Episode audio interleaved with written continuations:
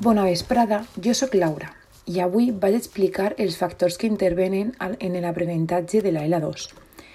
Tenim tres factors que intervenen en aquest aprenentatge i anem a veure cada un d'ells.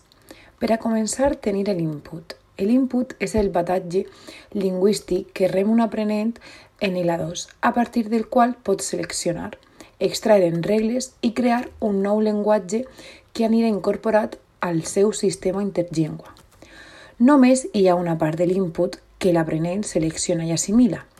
És el que denominen que va augmentat a poc a poc.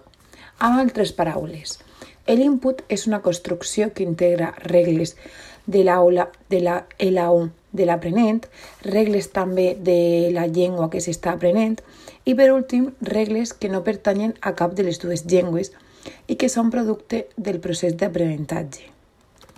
Després passem a l'output. L'output és un producte lingüístic elaborat per l'aprenent. I, per últim, tenim les característiques personals, com diu la, com diu la paraula.